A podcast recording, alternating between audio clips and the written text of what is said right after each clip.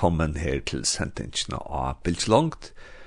Og til jeg, Johannes Miskær, som er verster i morgen, og er nå statter og i Hillerød. Og jeg har akkurat gynnsi i noen Slottshaven, som er øyla flott, og så har jeg et slott, og så har vi gynnsi her til endan av Slottshaven, og her er så en skole som heter Luthers Missions eh, Høyskole, LMH, sier man vanligvis. Og Og her har vi så hitt en uh, føring. Uh, ja, kan du kanskje fortelle hvordan du heter og fortelle sin rom til sjåan? Ja, um, jeg heter Silja Jensen, jeg er 22 år, og jeg er at av skala.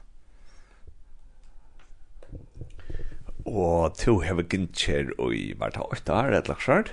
Ja, det er faktisk 3 for jeg er i. så... Så det var så ordentlig god reklama for skolan. det kan man nästan säga, ja. och tajt å si tre for ta er ett et halvt år siden, ja? Ja, um, vi det vi började först faktiskt i mars sist år. Eh av corona så kunde vi inte komma åren. Så ta jag vet vi ta jag lever vi hetta. Då har ju varit här i 12 och en halv månad, 12 och en halv månad. Okej, og ja, og vi er støtt akkurat nå i et som heter BT og samtalerom. Og det første vi får gjøre så relaterer vi får at eh, akkurat man ganger rundt og tog for det var i samme skolen. Hva er hva er akkurat det første stedet som tog det var i samme?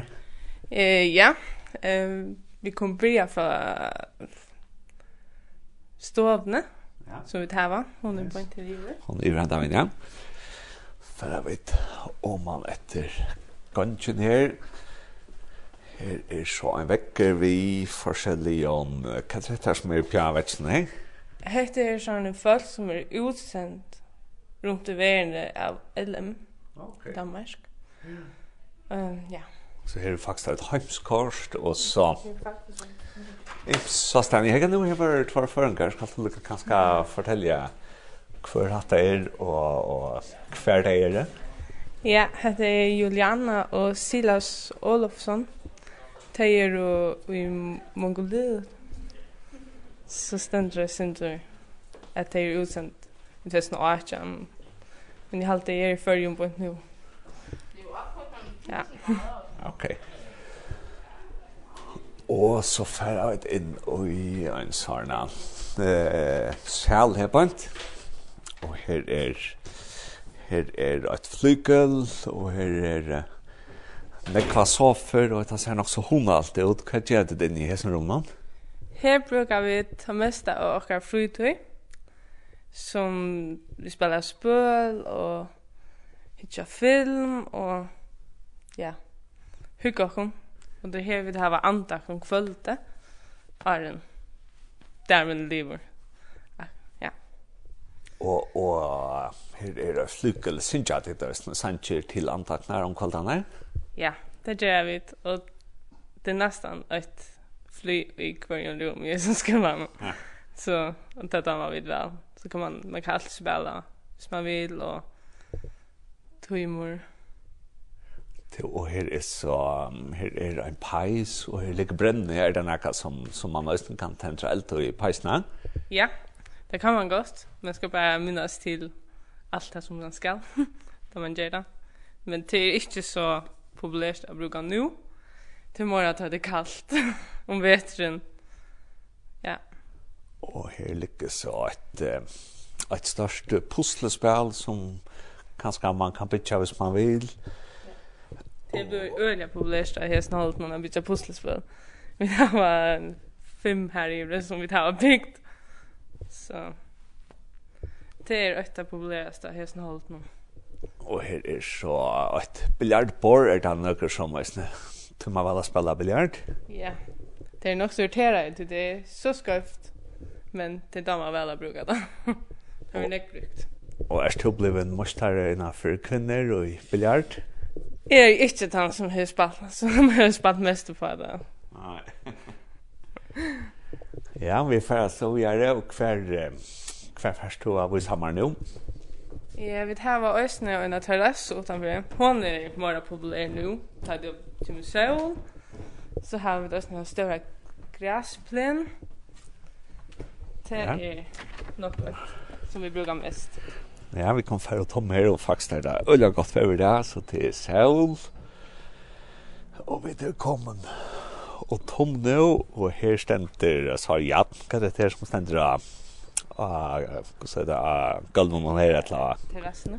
Terrassene, ja. Det er, hette brukar vi ta vi gjør bål, så kan vi ta hva brenne jo i her, og så brenne bål. Og her er Ulla vekkert, her er nek trø, og her er det buncher och så det är där där mer som en sån utestova vet det kanske. Ja, om sommaret tar det blir det öliga högt. Det det ligger att man i le här. Så det är ju ungen vinter då. Det är jävla läckert. Det och här är så här är byggningar som är här i som är laser från att som kvita kan det här för byggningar. Hastar oss som vi kallar för museum. Det här som tar vi det større tiltak i LMH, så er fire ganger til inn i her. Både nu er det i gang vi har ombygget, da, altså, for fall når okker vi gulv noen som skulle skiftes, eller slipes. Og det er ikke skal skiftes, så vi hatt bruker det ikke på nu, men hatt er den største salen som LMH har gjort. Ja, og hva skal vi så? Flytta okker nå? kan nästan säga att det är nog så hyggligt här är sådana här kus det är perer som har imiska liter som hänka utanför som är sikkert nog så pent om kvölde och inne här är det just sådana här uh, ja, sådana lilla perer som gör det homa vet. Ja. Så nu färrar vi in ah, ett bokashavn, detta var öliga flott, det här. Ja. Efter att jag bögar sån, här är ju nekva böcker, alltså. Om allt, nästan. Mest ut från bibeln. Men i öllum sjankrum. Det å hetta sær ølja, jeg vet ikke søver litt ut og sin det gammalt og flotte møbler. Ja, altså, det er at det brunt inn i det gjør det mer hyggelig. Det er sånn, jeg synes, en, en en lukter av en ombøka sauna alt, ja. Ta man kommer inn i. Men her er òsni ångte timer inne. Så her er en talva og så man kan visa powerpoint da. Det er det så frutt tjatikken som ganger er for inn og lana bøker og så det skal lese. Ja, det er det.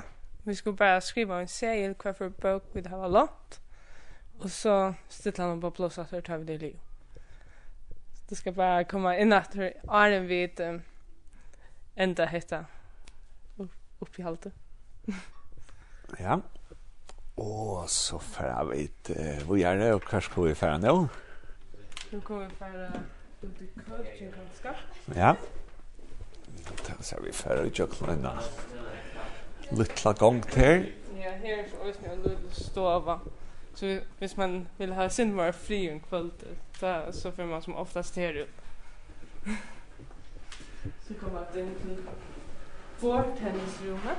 Ja, alltså här är bordtennis och så fotbollsspel. Ja. Ehm um, och här är det alltid vi får kaffe om det gärna. Så eftermiddagskaffe og her stendte så faktisk kaffe frem og bak nå, og her er frukt og gularøtter og stanna, og dette kan man bare få oss her.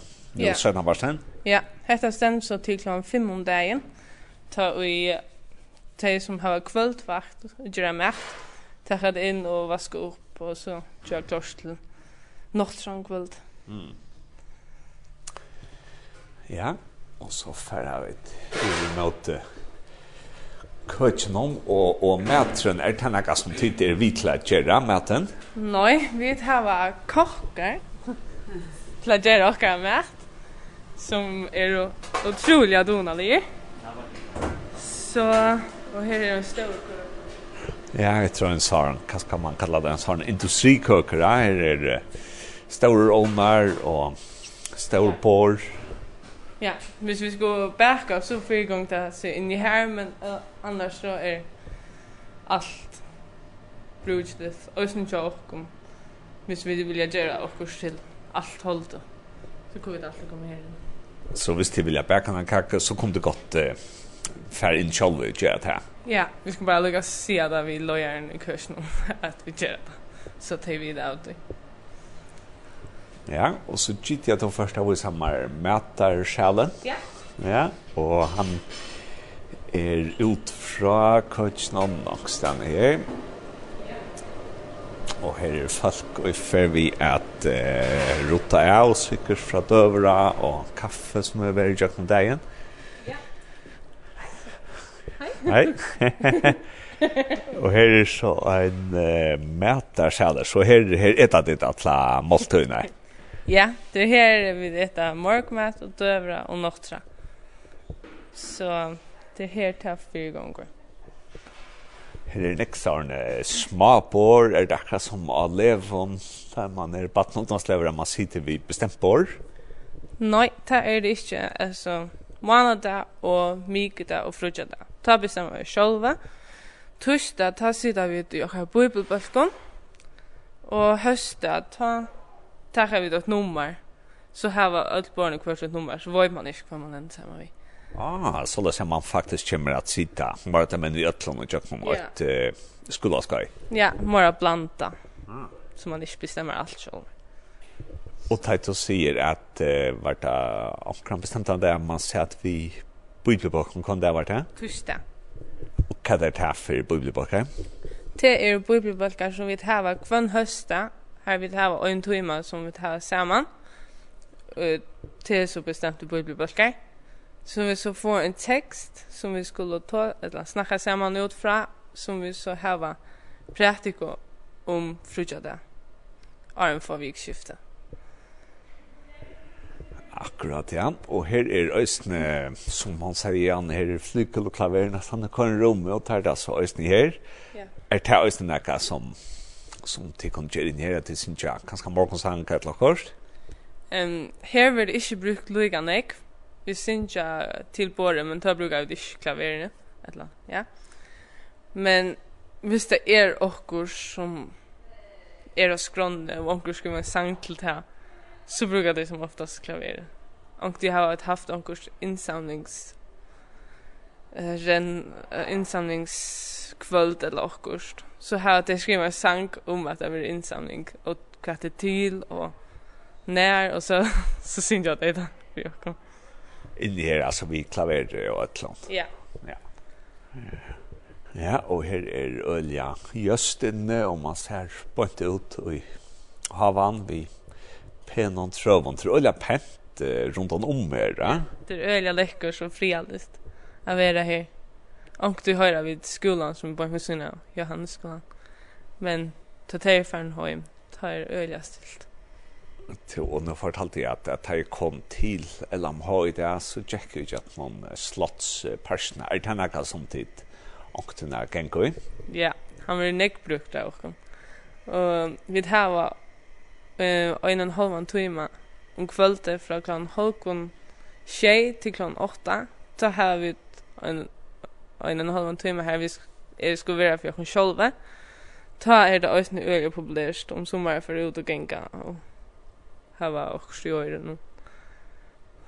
Og her er øyla flott, her er ja, alle mulige forskjellige slags havar og trø og her er ja, og slott, så her er øyla flott av genga. Nå får jeg vidt så opp etter øyna trapp her, Og så kommer vi inn til, hvordan var det du kallet det her, høvesvegen eller lagt skjørt? Um, Hette kallet vi for motorvegen.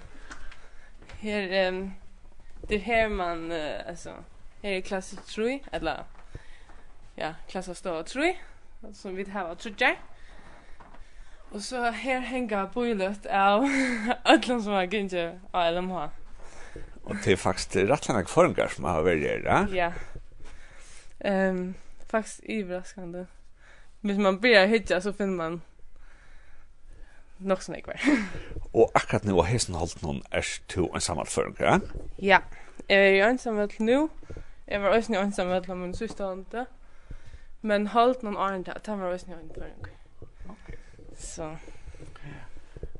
Og, ja, og her er så øsne kontorer, og her er en lærer av stava som er sett ui og janne. Og her er, hva skal det administrasjon. Så får vi bojere. Færa opp etter denne veien, opp i kjøkken kjøkkenene. Flotta trappe, og så er det olje. Ja, jeg vet ikke. Haparslig ut. Ja. Veldig flott. Så færa vi opp etter her som kømer og forskjellig. Ja og her standa anker biblivers av vetsnån, og her anker målningar. Og så færa vi inn i øyna eh, skolastav her på en, så heter det en stav her som det har undervisning. Ja, heter det øyna tøymon. Ja, hon, eh, hon er øyne ut fløy inne, og så hever hon imus kort om Jerusalem, og ja, til bibelske London. Ja. Og flykle, som du sier, til retter her, og, og synes jeg det så østene til timmene? Ja, altså, vi pleier alltid spyrja vi har synes jeg, men det kan også noe være at, altså, som lærer, det gjør at vi kommer halvan vi har vi den 20 minutter minuters pause, Så tar vi börja åter, da börja vi via Sinja. Ja. Men annars så brukar det bara klaver och det som vi säger ösnet det var ut i gänga i stilltid. Ta är det ösnet rättland som spelar klaver. Ja, ah, okej, okay, så kom det färd in och samvart och i yeah. ena stod och så sitta och spela. Ja. Okej. Okay. Det är inte öll klaver som man kan bara bruka till att ta förstå ånder alltså. Vi här var ösnet alltså i öllum stovnon här vid klaver. Men det som er bønt nu under jentegønsene, det kan man ikke bruka til, det høres for vel. Ah, hvis nu bronner er fredelig her oppe. Ja, ja. ja. Så har vi også noen två køkker, heter de øyne.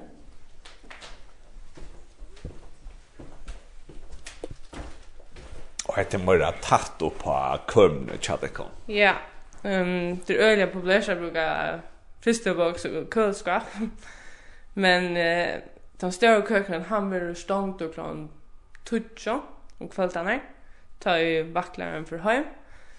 Så blev jag folk att han var kjøpt också inn til nachos eller akkurst. Jeg heter søtten. Det här fyra gånger så är køkken. kök. Här som kök och heter det sen inte bara kanske kan vara honalet och hemligt där tar det yeah. minne och lite att hatt här på kameran och så. Ja, det är så långt veck och hvis man inte är så näck så är det dålig plats här. Så det är ju störst. Akkurat ja. Och så får vi får vi in här som uh, kameran nu. Ja. Ja, så det är så en gångt. Det är en dröm. Ok. Så drøntjer er for seg, og jenter er for seg. Ja. Ja. Hette den øyne drøntjergången. Ja. Minner på faktisk øyne om jentegångene. Det er bare drøntjer som bygger her. Og så er det jo. Ja. Og så skulle vi enda vi at uh, for en kammer som uh, to borste. Ja. Og til her i ja. Ja. Ja, så vi færa fyrst iver og i musikk, det er nok så store bygninger, så. Ja, det er større. Lengt nok på morgen. Ja, så det er nok så lengt av genge middelen forskjellige ting, og her stender at det er husk stille tiden og holdt den heldig, og det er et bibelvers fra Satte Mosbok, kapitel 20, vers 8. Ja, han tror jeg er en drønnsjøkong. Det er jo tver drømte gongter, og så tver gjente gongter. Vi er syndemor. Syndemor av de overste, men det er jo fyra gjenter som begge var. Og her er vi så kommet halvt opp under tætje. Hette er en særlig stava. Ja, hette er musikk. Her er nok den stava som er bruker nast mest tog i. Og her er det alt mulig instrumenter, ja? Ja, vi har bass og gitar, klaver, ja, synt. Er det synt om kontrabass, som er nøye røysene. Trommer er her, og her er en stor mixare, så her er alt lutsjer. Ja, og hvis det er nærkast mangler, så skal man bare sige til, og så finner det der, hva skjer man. Det er å spille to kjølnakka instrument. Ja. Jeg spiller jo løsende klaver, og så synger jeg for det meste. Og, og hevet du akkurat lasta spiller klaver og synger her med du vil ja skulle an? Um, jeg begynte å lære meg hjemme, um, og min venninne lærte meg her hjemme, og så har vi bare bygd dem over på her. Så ja, jeg har lært meg her. Ok. Ja, Og så får jeg vet vi et mojere. Her er det øyne instrumenter som standa alle stedene.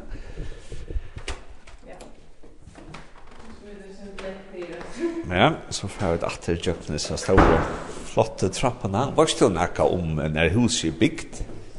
Uh, jeg var ikke når det er bygd, men i neste år tar vi det, altså LMH 100 år. Neste år så vad ska ska ha pickningen där men eller på här så är ju nu jag fem så nu. Ja, er och vi bygning man være nok så gammal. Ja, det får det känns ja. Og nå er det flotter. Pickningen. Det var kämpigt när man. Ah, ok. Så går man då. Ja. Ja. Ämnet som kan foredrag sig som vi tar morgonan dagt vi og onkli tøymer om vikna Så tar vi det fredags. Vi deler jo dølt opp i fem måneder og tog måneder. Så tar vi det her fredags tøymer ta fire ganger til inn i her. Og ta seg til noen som genka i fem måneder og noen genka i tutsi måneder. Ja altså det Det som man börjar vi vara fem månader. Men så är det några som för vojare, några som för vojare och så vill jag ta ut månader.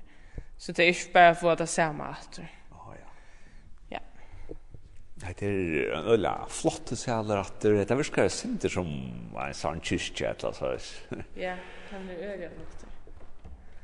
Flotte målningar och ja, här har vi ett attor. Så ett lörigt till projektet. Ja. Ja. Så har vi et orusne flotta salen att det. Ja. Och vi färda direkt. Ja, ja, så kommer vi til som vi blir av her til rommet vi vi stovene og her som man kunne eh, ja, få seg kaffemånd. Ja, nu får vi ut i ta nutjara byggningen som som vi kallar Norflöjen. Han ligger norrektig. Det Till här um, alla gentna byggva. Om vi tar oss nu kreativ värsta. Och så har vi ett som drønsene pleier dama till oss som ett fitness Ni i chatten det er sikkert øyne tog jeg tar dekker og i gentebygnis, og ikke bare til det fitness, meis det? Jo.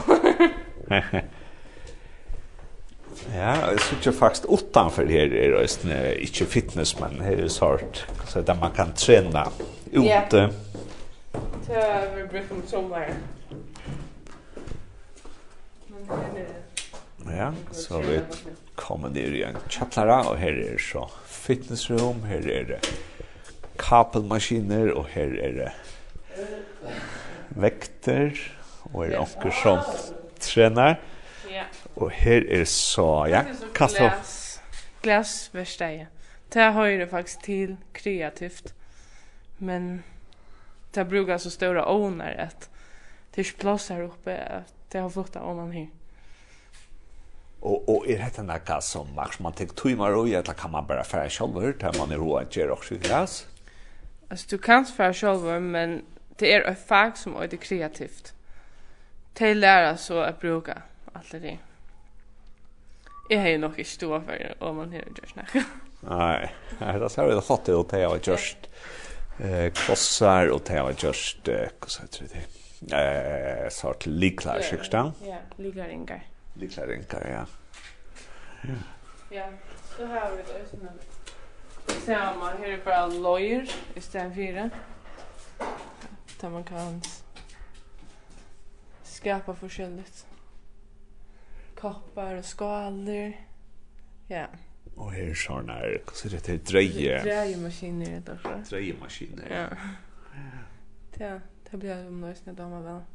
Och hur tog in tjå, hur säger jag, kreativa fart nå? Nej, jag har ångat det haft det. Jag har uh, musikfart nu, tänkte jag. Ah, ja. Her er också torsdagshallar och vad ska jag ska grejer. jeg, tänkte att 40 timmar så det torsdag. Och det är så att tills han själv för jag vaskar vaskmaskinen og så hong man där uppe opp inn i, ja, her hänger klær, her snårar den og her er det torske stativ. Vi tar trutja versmaskiner og øyna turskstrom. Så. Ja, så det er ikke mamma som uh, vaskar. Nei, mamma gjør alt sjálfur. Nei, mamma gjør alt sjálfur, ja. Ja. Og her stender at tøyet må henge maks 24 timer. Ja, klar det. Det er sikkert også så at andre skulle slippe inn, og så man ikke skal glemme noe og ha det hengende til i flere viker ganske. Ja. Så her er dere kreativt. Ja, her var det etter flere rom. Ja, tvei. Og størst. Vi har noen klaver inn. Og ja, her er bare skjønner jeg, men pleier å takke fra hinne og nå sitta her og gjøre det. Og er dette også noe man kan liksom bare sitte selv om kvalitet hvis man roter til det? Det kan man godt. Um, det er en lärare som er kreativt. Um, så kvar for det hon er vakt i kvar fall. Ta er det alltid uppe. Men annars kan man bara spela läraren om för kunna öppna skapande vi öllin ting med inne. Ja og det var heppan ja, og her var det ødel, så skapna, ja. Så. Så her er beimaling, og her er sånne staffelier, og her er papur, og her er alt mulig. Ja, her skal man være kreativ. Ja. Ja, så får jeg vidt at hitje etter kammeren her som Silja bor, ja? Ja. Og hevde bo ut i samme kammeren om Og i öll tror jag skulle åka? Nej, jag har bo faktiskt ett tre mot försäljare. Eller Imskon. Men jag har alltid bo som gång. Ah, okej. Okay. Ja. Så en gång till har två väser. Eller det är så två rum i väsen. Här är fyra väser och sex brus. Ja, jeg tror det er hundalt kammer. Hvordan er det som sover inn her? Ja. Vi det er tvær. Jeg er en som heter Rakel. Så ja, det fungerer godt. Hun er også en tutsmålersnævinger, så. Og her er det så førsk flagg og en t-shirt vi har først kunne flagge oppe. Ja, han har gjort jeg og en vinkel å komme videre med. Syster, da før jeg skulle spille mot Danmark, så funnet vi det på at gjøre dere ikke noe t-shirt. Du vet at det var. Da vi skulle hyggja efter för Danmark. Og, och alltså titta var nok snakk vi inrätta kammar själva just og hun hadde själva ja. Ja. Det er är fullständiga tömta man kommer in. Det är skrivarbord och en hill och en sång. Så ska man finna där resten själva. og her er det bare mynter, tjatikkon, heima, og ja, perer, og flagg, og ja. bøylet og alt mulig som tidligere har kastet opp. Ja prøve få den syndronalist. Så. Ja, og så ble et veldig uh, en sang som vi tenkte vi skulle spille nå. Og jeg vet kanskje en sang som som du har valgt ut hin og fikk uh, kanskje under et Drøbor her som det var uh, hva så det, Mini-X så det ser ikke først ut vi Cadbury's, er det noe som då finns uh, färjan. Ja, da fikk vi uh, siste på at som kommer som kom til Danmark. Ah, det er alltid godt å få Cadbury's kremek och miniek til man er i Danmark. ja, det er ikke galt. Nei. Ja, så det som får hända nu är att vi färra köra en sanka. Och så medan det här för vi där sätta kon och göra ett rum och så för jag spyrja Silja sen till mer om skolan och att henne damer här. Ja. Skolan hon. Jag har valgt en sang som øyder, um, som vi tar sunje och i og i och låsangsbulta som faktisk min uh, tonläggarlärare har vurs med. Det är en sang som øyder Barnaftai. Ehm han er om ta ju ja, ta tankarna i övertygna av käljon tankon så som til dem Øyta og Iva, Så vi god vise och sannleikans vegin vi hansar år. Og ja. för det som singren av Saint Eh, jeg halte det var det som øyder og festival. Å oh, ja, ja. Yes, og vi får høre enda nere sangen av festivalsynkeren, og han sangen øyder Barn av deg. Så han får høre det nå.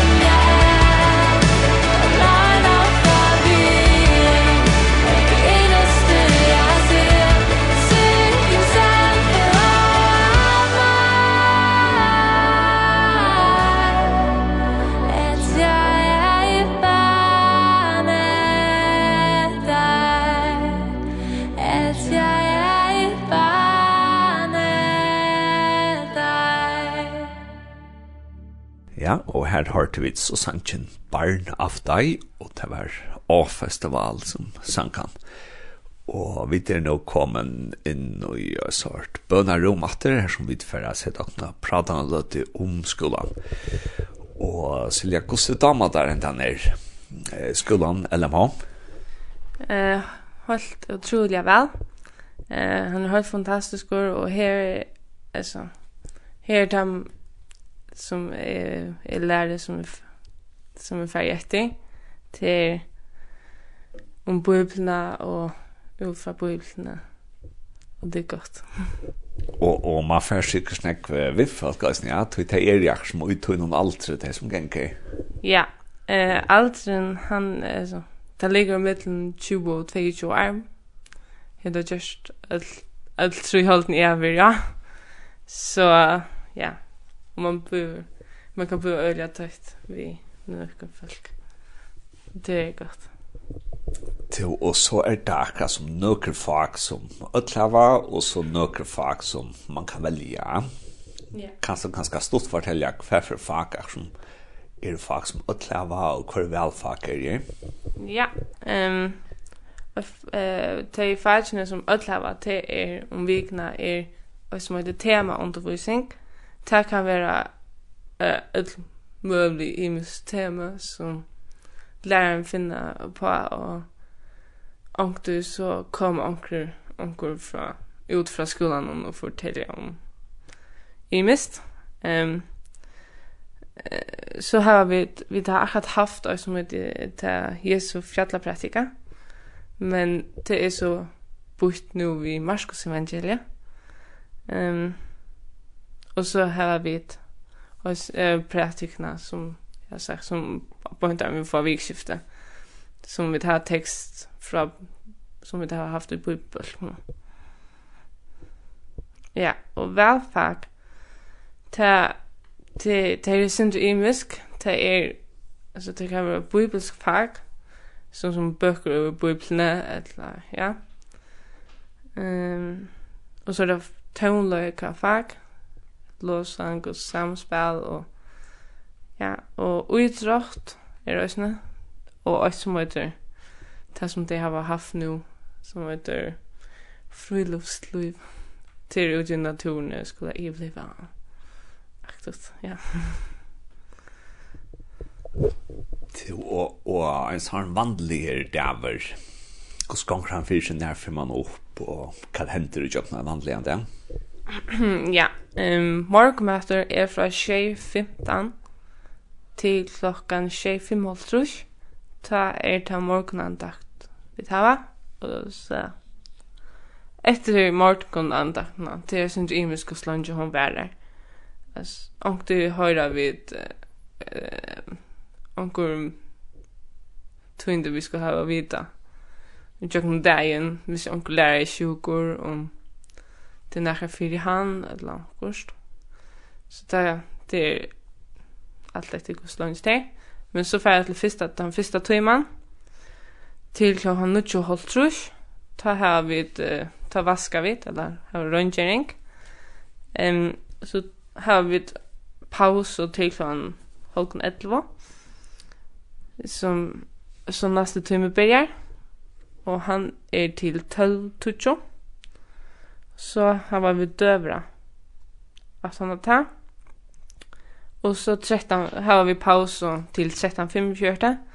Ta sista min börjar. Och så skulle Daniel med lever 15:25. Och så hava vi fri till eller man vill själva men så får vi nattra klockan 6. Och så är det ett, som ett stilltøy fra Holkom 6 til 8 som tar så ändar vi att vara andakt om kvällte och så har vi fri. Eller bestämma själva hva vi finner på.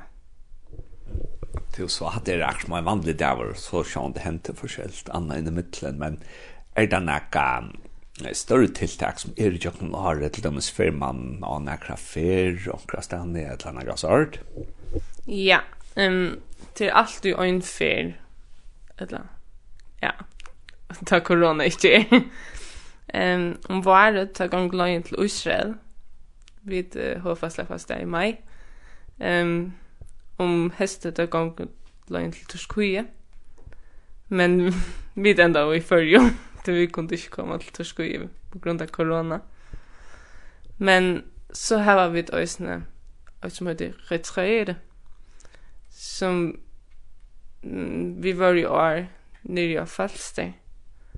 Ehm men så får vi oss nu kårtur till som turer runt i Danmark.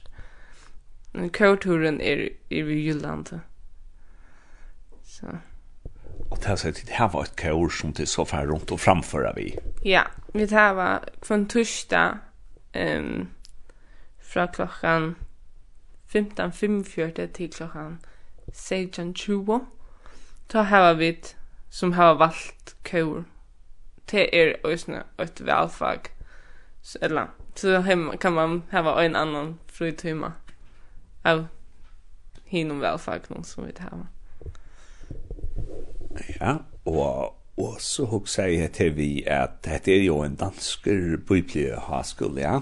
Og hvordan er det som som føringer kommer i sånne danskan? bibelhaskala? Um, det er øyla godt og utforsande. Um, det er noe nekka helt anna koma nyår, og så skulle ta seg et anna mål, men lærerne og danskare er øyla vittir, og det det vida väl att vi inte har det lika nett vi mål någon som te hava. Här vi så kom det så förrest och te inte skilja som det det var en sånt löje på igen men så köpt man det kom det nog inte så är det öjligt dåligt. og så sørste spørninger kommer til er om om om det här kan kan en bibelskola häva det här styrst tunna trygg. Ja, mm, min trygg er styrst öjligt siden jeg kom her nye Um, og jeg føler bare at hon blir bara stärskare, stärskare. Så ska jag bara hålla att jag vill lycka till jag kommer hem. Ja, jeg får at uh, takka deg for uh, pratet, Silja, og ikke at det er alt det beste i skolen vi er. Takk for det. Mer vær givet at truina lufsins dans Ui i tujaren er lusing og solar roar Ta Venus stå vestan fyre helios. Ta morgun stjörnan skikte Vi sær leis hun eion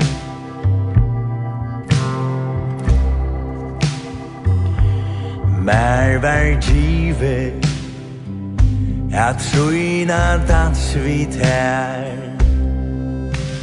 Tulja av lussins sølar breit Tau steve skifter Ans og skuilafte Som norskjødnan tu lyser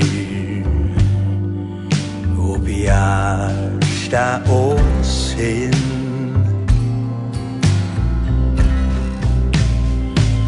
Så tack mina hand Haft henne nu. E o tu Dansa lussens dans Dansa lussens dans E och tu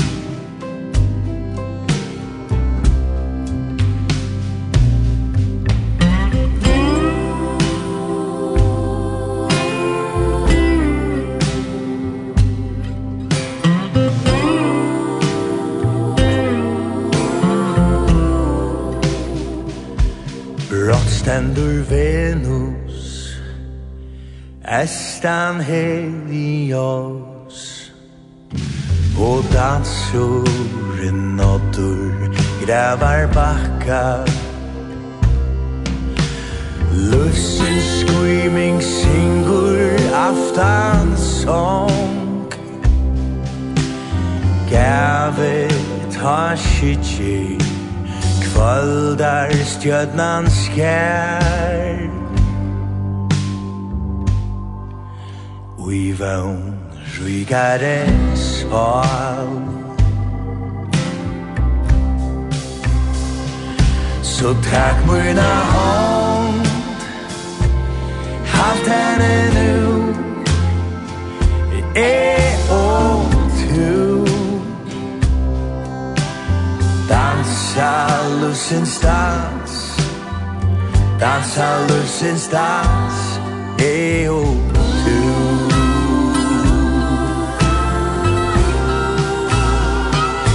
Ja, takk mina hånd. Halt henne nu. Hey, oh, too Dansa lufsins dans Moja henda chans.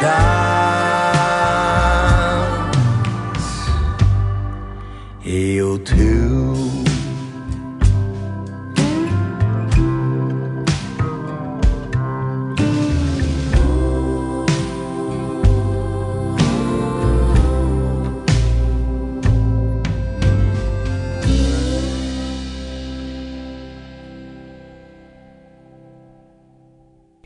så jeg er kommet inn på forstandernes øh, kontor, og det er ikke Nils Nyman Eriksen, men hans bror, og nu har jeg glemt, hvad du hedder. Hvad jeg hedder Henrik. Henrik Nyman Eriksen, og Henrik har været øh, forstander her i 19 år, og det er faktisk hans øh, sidste halvår, og så skal han være rektor på DBI. Så det er måske lidt vad det down memory lane när vi ska snacka nu. jag tänkte jag tänkte Henrik med med att du har varit här i 19 år, ik? Har, har du måske någon upplevelser med någon elever som som du liksom huskar att, at de har fått ett eller annat beröring fra Gud, eller at de har haft nogle oplevelser, som du ligesom husker tilbage på? Ja, det synes jeg.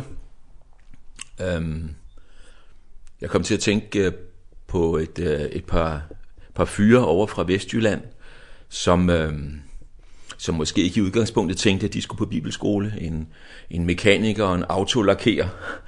Øh, Nikolaj og Jakob hed de, eller hedder de og var sådan den der, den der lidt seje, måske nok vokset op i en kristen familie, men skulle ligesom prøve grænserne af, og var mere til, til biler og, og fart, og, og, og, og prøve sådan, og, men så havnede de på en eller anden måde herover og kom på bibelskole, og, øh, og det blev helt tydeligt en, øh, altså det vendte op og ned på deres liv, altså de, øh, øh, de opdagede jo, hvem Jesus er, og hvor fantastisk han er, og, og de havde nok vidst en masse på forhånd på en eller anden måde, fordi de var vokset op i en kristen familie, men det blev ligesom, det gik ind og berørte dem dybt i hjertet, og, og ændrede deres liv, altså Ehm det ligger nogle år tilbage og jeg mødte en af Adams øh, mor her for nylig og nævnte det der med at han han gik jo herover for 5-6 år siden.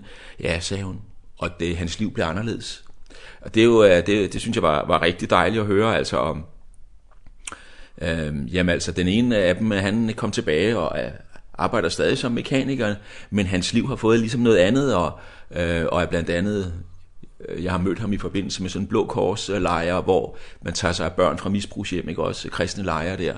Ehm og har sådan en en helt ny ehm ja, hans liv har fået en ny retning, ikke?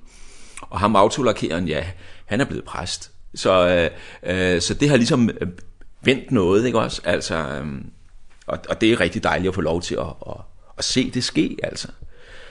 Jeg synes også noget som øh, som jeg har øh, mødt nogle gange, det var jo at øh, at der er nogen der kommer her til, måske også fra en kristen familie, men de har ikke rigtig fundet ud af, hvad skal vi sige, at det her altså vil jeg selv være kristen, når det kommer til stykket, ikke? Og så er der nogen, det siger de ikke, når de kommer, men det kan de nogle gange sige bagefter, ikke også? At det var egentlig, jeg havde egentlig tænkt det her, det var et, nu skulle kristendom have et sidste skud. Så ser vi, om det er noget. Og så, og så kom de her. Og så jeg har gerne en samtale med dem når, til sidst, når, når, når, når inden de slår, stopper alle eleverne. Og, øh, og så er der nogle af dem, der fortæller, ikke også? Ja, ja altså, jeg vidste egentlig ikke, om jeg ville være kristen, men nu vil jeg give det en sidste chance. Og nu ved jeg bare, at det vil jeg, for jeg har ligesom opdaget, hvor, hvor godt det er, ikke også? Altså lyset er gået op for dem, ikke? Så føler man virkelig, at hold op, det er godt, vi er her, ikke? Og så er der også nogen, hvad skal vi sige, øhm, jeg kan huske, der var en, der fortalte på et tidspunkt, som, som øhm, jo hele tiden havde ønsket at være kristen og så videre, øhm, men så havde været hjemme på weekend, øhm, et sted i Jylland, ikke også? Og så tog toget herover og så fortalte mig, at ja, det var mærkeligt, fordi jeg, jeg har aldrig gjort det før, men, men jeg sad, og jeg, der i toget på vej fra Jylland, jeg sad, jeg, så fandt jeg min bibel frem, og så sad jeg og læste min bibel, simpelthen bare fordi, at jeg havde lyst til det. Øh, og, den der, og det har jeg aldrig gjort før i tog, altså sådan, men, men, men, men, men jeg har bare fået en ny øh, lyst og glæde ved Guds ord, som, øh, som gjorde, at, øh, at øh, at jeg lige pludselig sad jeg der i toget og gjorde noget, jeg aldrig havde gjort før, nemlig jeg åbnede min bibel, øh, og der sad folk omkring og sådan noget, men, men det, det ville jeg bare gerne gøre. Så er der også noget, som er mere sådan almen menneskeligt, altså hvor at, at nogen har, øh, har, har, har fortalt og givet udtryk for, at, at de har haft det svært med, med at være i fællesskab med andre. Øhm, og så er der nogen, der så, så siger, jamen, og her, jeg føler, at for første gang, der kunne jeg få lov at være mig selv. Det var også stort. Ja. Så jeg synes, jeg har mange, altså, jeg, når, og sådan, når man åbner op for posen, så, så dukker de sådan lidt op, ikke? Altså, og, øh, og det er dejligt at få lov at være med til at du har så været i, i 19 år, og det vil sige, at der er 38 hold, men der er så nogen, der har gået i 10 måneder, ikke? Men, ja. men hvor mange cirka om året er der så? Jamen, det er jo mindst 100 om året, tænker jeg i snit, ikke også? Så det bliver jo, det bliver jo øh, tæt på 2.000, tror jeg, øh, i, der har været forbi, ikke? Altså unge mennesker, og det er jo en, det er jo en gave at, at få dem ind her i huset, og øhm, og de langt langt de fleste kommer jo fordi de vil det som vi gerne vil og og så så kan der ske noget. Ja. Og og og nu hvor du så skal til at at at flytte stillinger holde op her på LMH, er, er det ligesom det, som sidder tilbage? Er det personerne, som har gået her, som du har kommet til at kende, eller er det mere, hvad skal jeg sige, det, det teologiske og visionsmässig som du har byggt upp är väl, väl liksom start tillbaka i minnen nu vad du ska till att gå upp och, och, vad heter det, pelarna och, och dra vidare. Jamen, jeg synes, jeg synes jo, det er flere ting. Altså, det er jo de her personer, øhm, gode personer, om en, historier om enkelte personer, ikke også, for hvem skolen øh, var med til at gøre en forskel, og har fået lov til at være med til det. Og en del af det handler jo ikke om, at det er mig, der har gjort det. Det handler om, at vi er et, et, vi er et team her på skolen med lærere og andre medarbejdere, som til sammen har fået lov til at skabe nogle rammer, ikke også? Øhm, men så har jeg jo også, hvad skal vi sige, jeg synes også, jeg har, har, har, har lært noget, har, har, har været i proces. Jeg er ikke det samme sted som menneske i dag, som jeg var for 19 år siden. Ikke? Det, det gør jo noget ved en at få lov til at stå med ansvar for en skole i mange år, og og, og opleve værdien af at have folk om, omkring sig, som, øh, som når der opstår udfordringer, at så, så sætter vi os sammen, så snakker vi om tingene, så træffer vi nogle beslutninger, og så kommer vi videre sammen på en, på en god måde. Vi oplevede det jo meget konkret her på det sidste med corona, ikke? altså så opstår der øh, smitte på skolen, eller nye regler, vi skal rette os ind efter, og hvad gør vi, hvordan håndterer vi det? og så sætter vi os ned og finder, finder løsninger sammen. Og den der oplevelse af at være en del af et, af et team, hvor det måske godt nok er mig, der, der har ligesom skulle øhm, konkludere på en eller anden måde, men jeg har ikke følt, at jeg har stået alene. Oplevelsen af, af det der med at være, være sammen om øh, at løfte opgaverne og tænke nye tanker og træffe beslutninger, det, det tager jeg med mig som en fantastisk ting. Altså. Og det handler jo først og fremmest om medarbejdere og kollegaer. Øhm,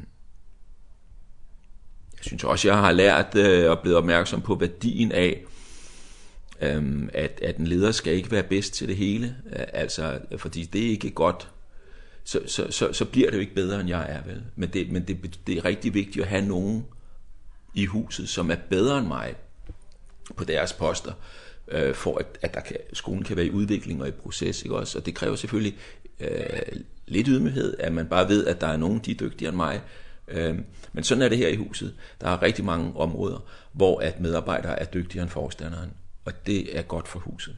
For ellers så bliver det for ringe. det synes jeg også er en ting jeg tager med mig. Ja. Og så var det det her med, som du måske har været lidt inde på nu, men, men hvad, hvad har du liksom personligt og åndeligt fået ud af at være forstander her i 19 år? Altså det er klart, vi er jo en bibelskole, en højskole, men også en bibelskole, bibelhøjskole, og det betyder jo, at den vigtigste arbejdsbog, jeg har undervist i alle årene, det, den, og den vigtigste arbejdsbog, det er jo Bibelen, ikke? Og, og det at få lov til sådan, både med skriftgennemgang og tematiske emner og praktiske emner, og have Bibelen som en bog, man, man bare har med i tasken hele tiden og arbejder med hele tiden, det, det giver jo ikke bare noget, altså også noget til en selv, ikke? Altså det er jo læreren, der lærer mest, sådan er det jo.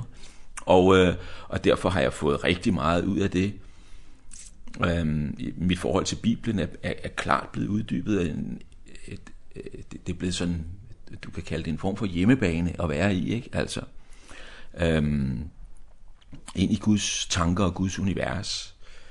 Jeg synes også, at jeg har, har, har opdaget, at, at vi er afhængige af Guds velsignelse, ikke? Altså, vi er afhængige af, for at få elever, så, så skolen kan køre, ikke også? Og for, når der har været udfordringer af den ene og den anden art, øhm, og, og, og, og nødvendigheden af at, altså, og, og, vigtigheden af at bede simpelthen, ikke også? Altså, og at, og at, og at det, at, at det nytter at bede, ikke? Jeg, jeg synes tit jeg om morgenen, hvis der har været en eller anden udfordring, der lå og ventede, øh, og har oplevet, at, at det at lægge det over til Gud, og bede om hans hjælp, og at når jeg så er kommet til aften, så kom vi jo alligevel godt igennem, ikke? Altså, og han lagde, hjælp med tingene og lagde tingene til rette og sådan. Den erfaring synes jeg, har gjort mange gange. Jeg synes også, at jeg har fået en erfaring af behovet for noget, altså at noget ikke kun forstået som tilgivelse, men også at Gud i sin godhed bruger af det, som hos os måske kun var middelmodigt, eller måske endda halv, halvgodt eller halvdårligt, men at han nogle gange har velsignet det, så det, så det alligevel er blevet til, til gavn og velsignelse. Øhm, det er jo en fantastisk ting at, at opleve. Ja. Er der måske en, en åndelig oplevelse, som, som virkelig sådan, er noget, som du husker fra din tid som, som forstander her? Ja, der er faktisk en, som jeg, som jeg godt vil nævne, som jeg, den har jeg faktisk ikke nævnt offentligt før, så nu, men nu kan I høre den op på færre. Øhm, jeg har fortalt den til nogle venner. Øhm, for øhm, det ligger nogle år tilbage. Der var jeg sådan lidt inde i, en, øh, i, i dødvande. Altså, øhm, jeg var lidt usikker på, om, om jeg skulle fortsætte på skolen, om hvad der skulle ske, og sådan... Øh, jeg havde været der noget tid, øh, men, men øh, jeg var der ja, hvad vel, det var vel midt i 40'erne eller sådan, ikke også? Og, øh, og der var måske også en lidt midtvejskrise i det, jeg vidste ikke helt sådan lige... Øh, øh, så var jeg på en konference i Polen, i Wisla, med det her, der hedder European Leadership Forum, som er sådan et øh, evangelikat lederkonference, der er hvert år i, i slutningen af maj måned. Og jeg var taget derned, og der var meget få danskere. Vi var måske højst en håndfuld danskere dernede, så jeg var lidt alene jeg var heller ikke på den måde sammen med nogen. Og så en en morgen, øh, hvor vi skulle der skulle være bibel øh, undervisning, bibeltime. Jeg tror det var ved Stefan Gustafsson. Så inden det var der sådan øh, noget, noget lovsang. Man står i det der rum, og jeg stod sammen med en masse mennesker, jeg ikke kendte helt for mig selv. Øhm, og så var det, øh, jeg ved ikke, om man skal kalde det et syn, eller sådan. man kan jo godt også psykologisere sådan nogle ting, ikke også, men Men jeg så liksom for mig, at jeg var på højs her tilbage på højskolen i Hillerød. Og øhm, og Jesus gik med mig rundt i huset.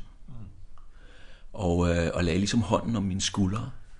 Og vi var nede i dagligstuen, fyldt med elever. Jeg skulle holde anden der aftenandagt for dem. Og så var det som om han sagde, husk, jeg er lige her. Og øh, vi gik op på lærerværelset, og der sad alle lærerne til lærermødet. Øhm, og så var det også hånden på skulderen. Husk, jeg er lige her. Og øhm, øh, ind på mit, mit kontor, ikke også? Og hånden på skulderen. Husk, jeg er lige her. Og så gik jeg hjem. Jeg bor i en tjenestebolig sådan tæt på skolen, øh, nogle få hundrede meter derfra. Og så på vejen der, der var han også med, med hånden på skulderen. Også hjem. Og, øhm, og øh, og så da vi så, så, så kommer vi ind i vores altså i i vores hus. Og der kommer min kone så i møde. Og der er sådan lidt øh, hvad hvad hvad med hende? Altså kan vi finde fodslag i det der skal ske her, ikke også? Og så øh, så har I, altså det der med at Jesus har ligesom lagt hånden på min skulder, ikke også? Men så da hun så kommer, så lægger han også hånden om hendes. Og så kommer det igen jeg er lige her. Og den, øh, øh, man kan sige, øh, oplevelse, eller sådan, den, øh, den hjalp mig i den situation øh, til at gå videre, og den, den, det, det kom tilbage til mig som en, en erindring, øh, det har det faktisk gjort ganske mange gange i årene efter, som en, en opmundring, når når det bare er lidt svært eller for det man kan jo ikke man er jo ikke sådan et sted her i 19 år og så er det bare solskinsdag og alting lykkes hele tiden vel. Der er også sådan der er ups and downs. og så er det kommet som sådan en en opmuntring. Ehm det er jo et løfte fra Bibelen, jeg vil være med jer alle dage, men det men i den her udgave der lød husk husk jeg er lige her. Eh det har det var det har det har betydet rigtig meget for min tjeneste faktisk og for min frimodighed i perioder. Det var meget smuk oplevelse, Henrik, og tak fordi du delte den. Øhm, ja, og så tænkte jeg med, øh, hvis vi tager mere din hvad hedder det, skoleleder hat på, og vi skal snakke lidt om, om skolen. Mm. Øhm, øh, ja, så, så, så der er cirka, hvad sagde du, 100 om året, ikke? Ja, det, altså, vi har måske en, skal vi sige, cirka 45 elever om, øh, om, om efteråret, og måske en, lad os sige, en 60, 65 om foråret. Øh, det svinger noget op og ned, ikke også? Ehm så det er, det, det er det lag. Og der er så nogle af dem, der er genganger. Ja, men det giver, jeg tror, jeg, det er ikke helt skævt at sige, sådan cirka 100 ansigter, forskellige ansigter på årsbasis. Ja i snit. Og nu har Silja, hun har fortalt mig om, om hvilket fag der er, og hvordan en, en hverdag liksom foregår. Men mm. Men hvis du skal måske tegne noen litt overordnede eh, linjer, hva vel er liksom visionen med, med skolen, og hva er det som vi legger vekt på når vi liksom har et, et sånt et uh, høyskoleopphold på fem måneder? Ja.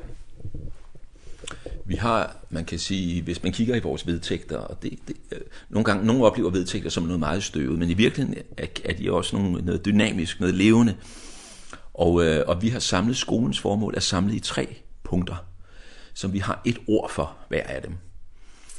Livet, troen og tjenesten.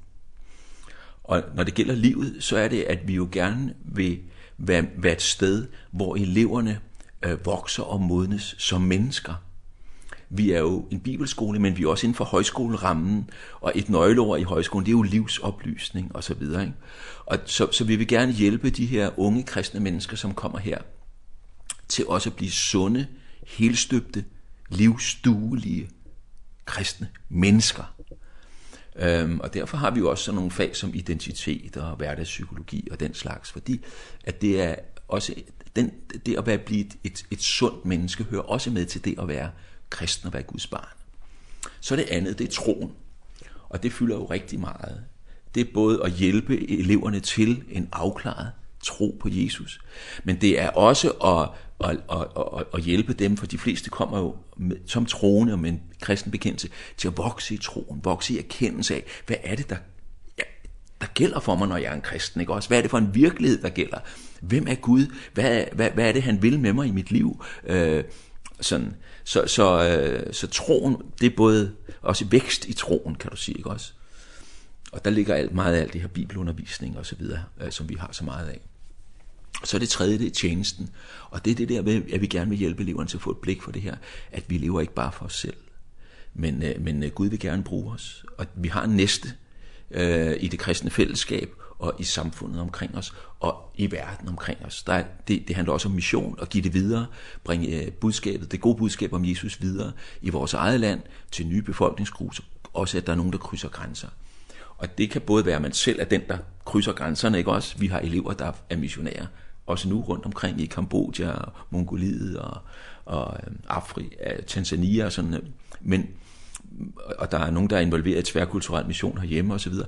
Men men men det er også eh at støtte dem altså og og be for dem og være engageret på den måde eh i i både national og international mission. Ehm og, og og det gælder både mission sådan som som ordmission hvor vi giver ordet videre, men men det er også en mission som kristen tjeneste og omsorg. Så de tre de tre ting er det vi liksom vil, gerne vil understøtte, ikke? Altså livet, troen og tjenesten. Og øh, så lige et spørgsmål med, ja, så Silja fortalte mig, at næste år fylder højskolen 100 år. Ja. Øh, vi skal lige snakke om, om ligesom forandring og fremtid med skolen, men, men øh, 100 år, eh den her bygning, er den blev bygget til, til skolen, eller er den købt øh, efterfølgende? Den er, altså hovedbygningen, den er simpelthen bygget til at være Luthersk Missionshøjskole i 1923. Eh og det er, den, det er den smukkeste af skolens bygninger, og det var den, de, de rejste de gamle der i 1923. Og så har vi fået bygget en del til efterhånden. Ehm men det er, den, den er altså før Luthers Missionshøjskole lå her, før LMH lå her, der var det barmark og det er meget smukke omgivelser, og der er en slotspark nærved. Ja. Øh, hvis vi tager det som, som fremtiden, så nu bliver i 100 år, men, men altså sker der noget forandring med, hvordan højskoleopholdene øh, vil, som udspiller sig i. Er der noget forandringer igennem de her 19 år, som har været der, og ser du noget, som forandrer sig i fremtiden måske? Jeg tænker lidt sådan om det, at, vi, øhm, at skolen har et DNA, øhm, som samler sig rigtig meget om de der tre punkter, øh, livet og troen og tjenesten. Og, og, og under det kan du sige, at der er en forankring i at være en, være en øh, evangelisk, øh, bibelforankret øh, skole med sit værdigrundlag. Men, øhm, og, og det så og så så går man jo altså det er jo liksom vi også gør som mennesker ikke også så som som så kan omgivelserne ændre sig, ikke også? DNA'et er det samme, og det betyder, at tingene kommer lidt til udtryk på forskellige måder. Der er udviklinger inden for musik og for teknologi, og, og der kan være nye udfordringer, som opstår også i ungdomskultur og sådan, ikke også? Øhm, øh, præstationskulturen trænger sig rigtig meget på nu, ikke også? Og, og, og, og, det, og det kalder jo på et, et, et et et kristent indspil i det, ikke også? Altså, hvad har vi at sige til til de unge mennesker, som er ved at gå ned med stress, fordi der de de presses til til til perfektionisme på alle mulige områder, ikke også? Ehm hvad hvad hvad hvor har evangeliet noget at spille ind der? Og og og, og, og på den måde hvad skal vi sige, der er en bund og en kerne, som er den samme, men der er nogle udfordringer, som, som varierer. Så opstår den nye ateisme, så må du også forholde dig til det, og sådan ikke også, eller, og vi har hele øhm, klimaspørgsmålet, så må man også på en eller anden måde, og det kan godt være, at det kommer til at fylde mere de kommende år, sådan nogle ting. Altså, men, men, men, men der er sådan en grundlæggende DNA, som jeg tænker er det samme, og så vil der være udfordringer, sådan, som, som kommer løbende. Og, øhm, Og derfor har vi også vi har løbende haft sådan nogle målsætningsstrategiprocesser og sådan vi også og jeg har vi har en der slutter nu her, ikke også? Og, og det skal den selvfølgelig, fordi at at det er ikke til at komme som en ny forstander efter mig og så skulle til at føre Henriks visioner ud i livet, men han skal jo finde sin egen. Der har fundet en god ny ung øh, forstander efter mig. Og øh, og, og det er jeg meget tryg ved. Altså det skal det skal nok det skal, det skal nok gå godt. Eh og Silja fortalt mig att att det er något der heter temaundervisning, ikke? Og, och och det der temaundervisning det kan så forandre sig. Mm. alt efter vad lærerne liksom eh, syns er spännande og vad vad de unga har brug for og så något. Är det långt siden I begynte på att lave lite mer flydende emner, Er det, er det ikke er de samme fag hvert skoleår? Altså, vi har, der, der er jo en del fag, som går igen, men, men for eksempel det her temaundervisning, det er jo det er jo for at have en fleksibilitet, hvor der kan være nogle, nogle emner, som ikke rigtig bliver dækket i de, i de faste fag, som vi udbyder. Og så er det godt ligesom at kunne tage noget, tage noget ind.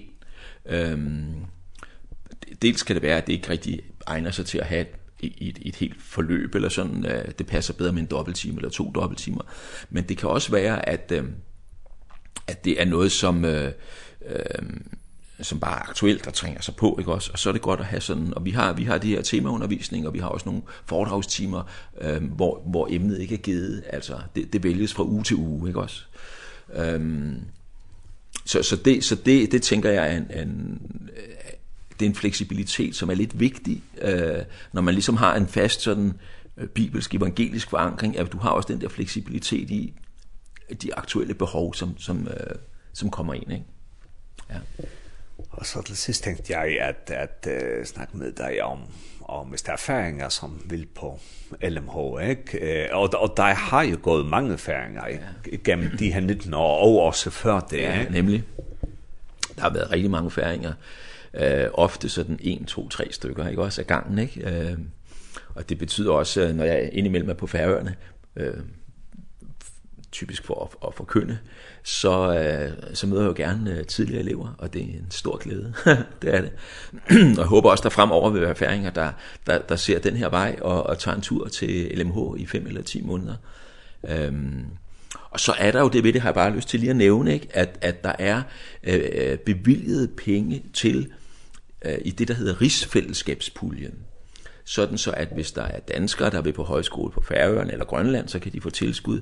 Men også hvis der er færinger, der vil på højskole i Danmark, kan man få tilskud. Og øh, man får øh, 700 kroner om ugen, og det er ganske meget, en ganske stor del af betalingen for at gå her. Øh, for et efterårshold er det 14.000 kroner.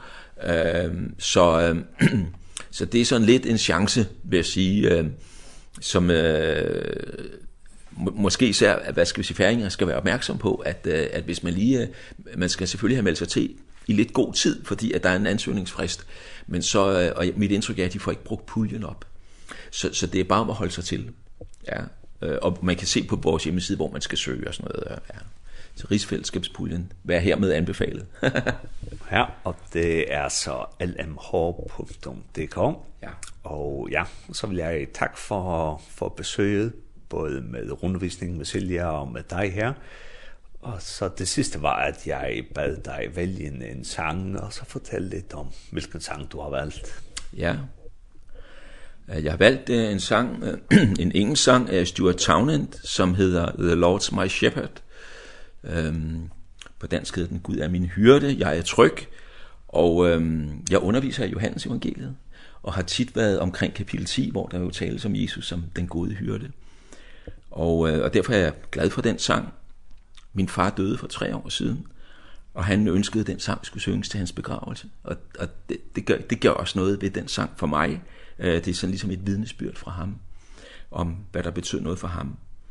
Og så er billedet med Jesus som hyrde jo også øh, det med at han hjælper os når vi står i valgsituationer. Og det har jeg jo gjort her i forbindelse med at jeg skal skifte og ehm og og der har det været rart at tænke det der med, at, øhm, øhm, at jeg er ikke alene i det valg. Altså, han, øh, han er der som hyrden, der, der vejleder øh, og guider os, øh, og, også mig. Og, og derfor er jeg tryg også i det nye, der kommer for mig.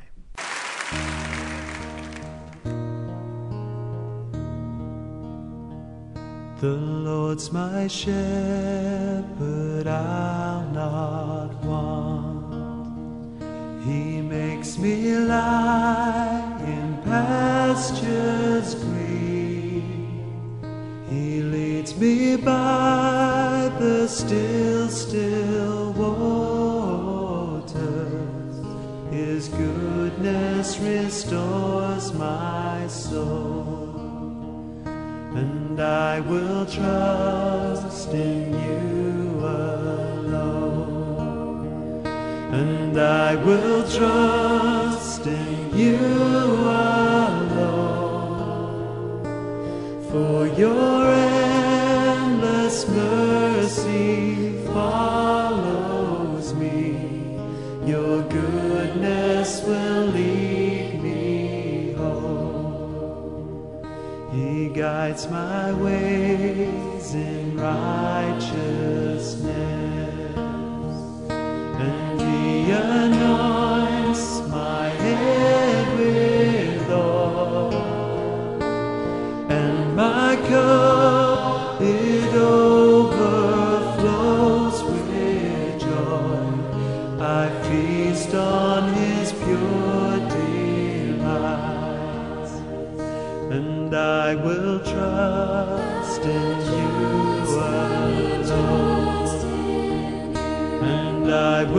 着。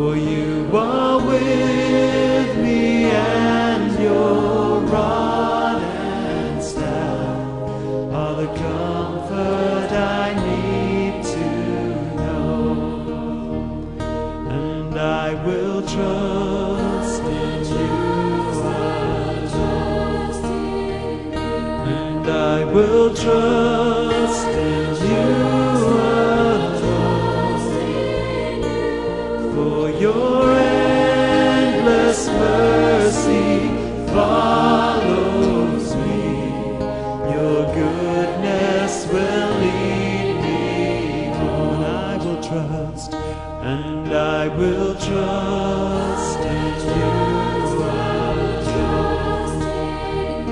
And I will trust in you. Alone for your endless mercy.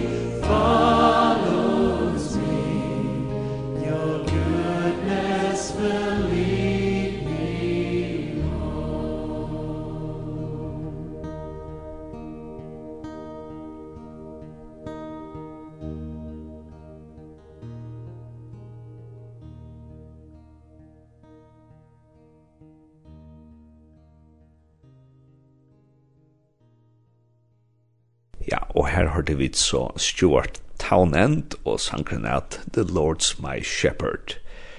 Og hetta var så av bildet langt i morgon, og hetta sendingen var enn sendt i kvöld klokka 19.30 og i natt klokka 4. Og vi var jo i det av Vidjan og en skola i Hillerød som heter Luthers Missions Høyskole, Bibelhøyskole. Bibelhøyskole Og ja, og heimasøgjeren kan ta i mann, han heter lmh.dk. Så her kan du finne mer kunning om det. Ja, så egentlig kan bare en gammel det vi er.